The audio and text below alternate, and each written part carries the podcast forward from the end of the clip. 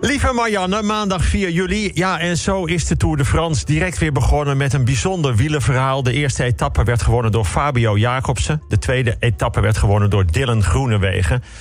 Ik ga terug naar twee jaar geleden in Polen. Groenewegen rijdt in de massasprint Jacobsen met een snelheid van bijna 70 km per uur in de hekken. Jacobsen breekt van alles, lichamelijk en psychisch. Hij vecht in het ziekenhuis in Polen voor zijn leven. Moet weer helemaal opnieuw leren fietsen, leren sprinten, leren de dood te trotseren die hij dus al een keer een hand heeft gegeven. En Jacobsen wint de eerste etappe van de Tour nu met een kolossale sprint, valt huilend in de armen van zijn vriendin. En dan Groenewegen met die vreselijke actie die hij voorgoed meedraagt in zijn hoofd.